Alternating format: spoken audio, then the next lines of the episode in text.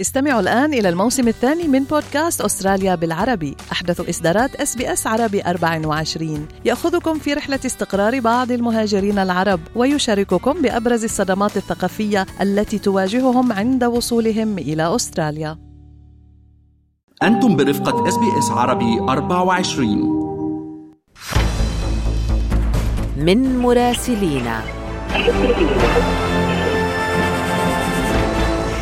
أهلا بكم في رحلتنا الأسبوعية إلى نيويورك. أنا بترا طوق الهندي. وأنا فارس حسن ويسعدنا أن ينضم إلينا على الهواء مباشرة. من هناك مراسلنا محمد السطوحي. أهلا بك محمد. يا أهلا بك فارس وبترا وكل المستمعين. سنبدأ بتطورات يعني ما يمكن وصفه بتطورات طرأت على الموقف الأمريكي إزاء الحرب الروسية الأوكرانية. تصريحات لوزير الخارجية أنثوني بلينكن قال في بعضها أو في معرضها الحرب على أوكرانيا يمكن أن تنتهي إذا قرر بوتين ذلك ولكنه آه، لا يرغب بالسلام وشفنا أيضا محاولات يعني أيضا لتشكيل موقف أكثر حزما تجاه موسكو في دول آسيا الوسطى تحديدا كيف تقرأ هذه التغييرات في النبرة الأمريكية تجاه موسكو؟ مجرد وجود وزير الخارجية الأمريكي في هذه المنطقة تحديدا هو في حد ذاته تطور مهم لأنه كما تعلم آه، فارس آه، منطقة آسيا الوسطى هذه دول كانت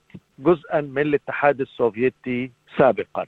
وهذه الدول رغم استقلالها لكنها مرتبطة بشكل عضوي مع روسيا التي تعتبرها الباك يارد الخاص بها.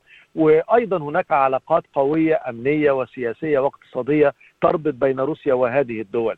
فذهاب وزير الخارجية إلى هناك ربما كان يبدو للكثيرين على إنه خطوة غير مفهومة لإنه من سيستمع له في هذه المنطقة. ولكن حقيقة الأمر هو أنه وجدوا آذان صاغية لهم، لماذا؟ لأنه هذه الدول لها حدود مع روسيا كما ذكرت، هناك أقليات روسية في هذه الدول مثل قازاخستان على سبيل المثال وهناك منطقة تسكنها أقلية آه، آه، روسية في فيها ومن الممكن أن يكون لها تأثيرها أيضا خصوصا إن روسيا بررت غزو آه، أوكرانيا بأنه لحماية الأقلية الروسية في أوكرانيا وإنه لها حقوق عرقية ومذهبية و و فهذه الدول أيضا أصبح لديها هذا التخوف في علاقتها مع روسيا. لذلك تلاحظ أن وزير الخارجية الأمريكي حرص خلال لقائه مع آه، وزراء خارجية هذه الدول في قزاخستان على أنه يؤكد على استقلالها وسلامة أراضيها. والرئيس الكازاخستاني أعاد التأكيد على أنه يرحب بالدور الأمريكي وتمسك أمريكا بسيادة واستقلال أراضي هذه الدول. إذا هم يدركون مدى أهمية هذه المسألة بالنسبة لهم وهذا ما تستغله الولايات المتحدة الآن من أجل اتخاذ مواقف قوية من هذه الدول تجاه موسكو. هم لا يطمحون أنه يتخذون موقفا معاديا لروسيا لأنهم ربما لا يقدرون على ذلك. ولكن على الأقل تقليل الدعم الذي يقدم ماليا واقتصاديا وتجاريا الاستجابة لبعض الضغوط الخاصة بالعقوبات وبالتالي تقليل مدى اعتماد روسيا على هذه الدول في تعويضها عن خسائر الحرب في أوكرانيا، ومن هنا جاءت هذه الزيارة التي يقوم بها وزير الخارجية الأمريكي.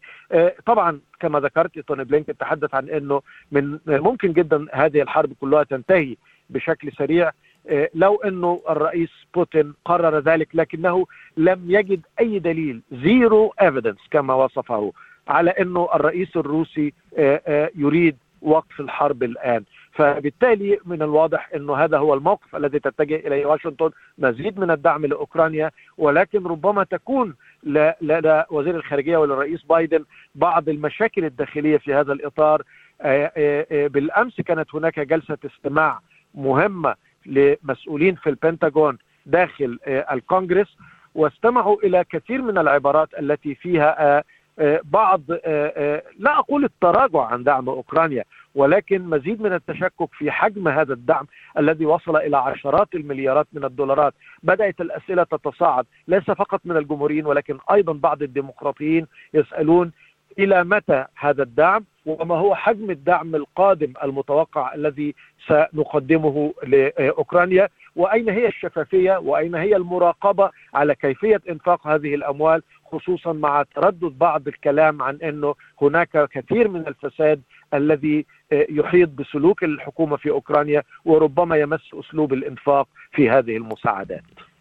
محمد ننتقل إلى الموقف الأمريكي. يعني واشنطن تدين عن عنف المستوطنين في الأراضي الفلسطينية. تقرير الخارجية الأمريكية يشير أيضا إلى عدم تدخل قوات الجيش الإسرائيلي لمنع هجمات المستوطنين. كيف تبلور الموقف الأمريكي في هذا الملف تحديدا؟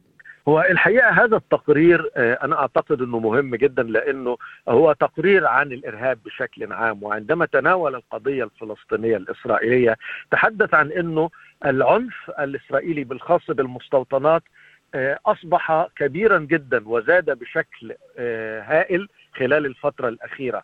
اكد أيضا على إنه أصبح له مواصفات جديدة، اولا كان في السابق يقوم شخصين ثلاثة أربعة ببعض الهجمات على الفلسطينيين ويعودون أو يهربون. الآن كما يقول التقرير أصبح عشرات من المستوطنين يذهبون إلى عمليات ارتكاب عمليات العنف ضد الفلسطينيين بما يعني إنه هذه إجراءات تم التخطيط لها بشكل موسع وهم مسلحون. والمهم أيضا إنه يشير إلى إنه قوات الإسرائيلية لا تتخذ إجراءات لمنع هذه الأحداث. واحيانا كثيرة تقف متفرجة. ولا يوجد تعقب ومحاسبة لهؤلاء المستوطنين. آآ هذا التقرير وكبه أيضا كما ذكرت بيان المتحدث باسم الخارجية الأمريكية عندما سئل عن ذلك نيد برايس وقال إنه نحن ندين عمليات العنف التي تحدث تجاه الفلسطينيين ونطالب الحكومة الإسرائيلية بمحاسبة من يرتكبون هذه العمليات. ورحب ببعض التصريحات الصادرة عن الرئيس الإسرائيلي ورئيس الوزراء الإسرائيلي بالنسبة لهذا الموضوع لكنه قال نريد أن نرى هذا هذه المحاسبة بالنسبة للمستوطنين. وإن كان طبعا قبلها قد أصدر أيضا في تغريدة وصف ما يقوم به الفلسطينيون من أحداث عنف التي أدت إلى مقتل اثنين من المستوطنين قال إنه هذا إرهاب وبالتالي عندما سئل لماذا وصفت ذلك بالإرهاب وهذا بالعنف قال لا نريد الوقوف عند هذه الأمور نحن ضد العنف في كل أشكاله وضد أن يكون هناك مزيد من الأحداث العنيفة ولا بد من اتخاذ إجراءات لتهدئة الأحداث والمواقف في المنطقة. كان هذا مراسلنا في نيويورك محمد السطوحي شكرا جزيلا لك محمد. تقارير محمد موجودة على sbs.com.au forward slash arabic. اضغطوا على ال like أو على ال share أو اكتبوا تعليقا. تابعوا SBS عربي 24 على الفيسبوك.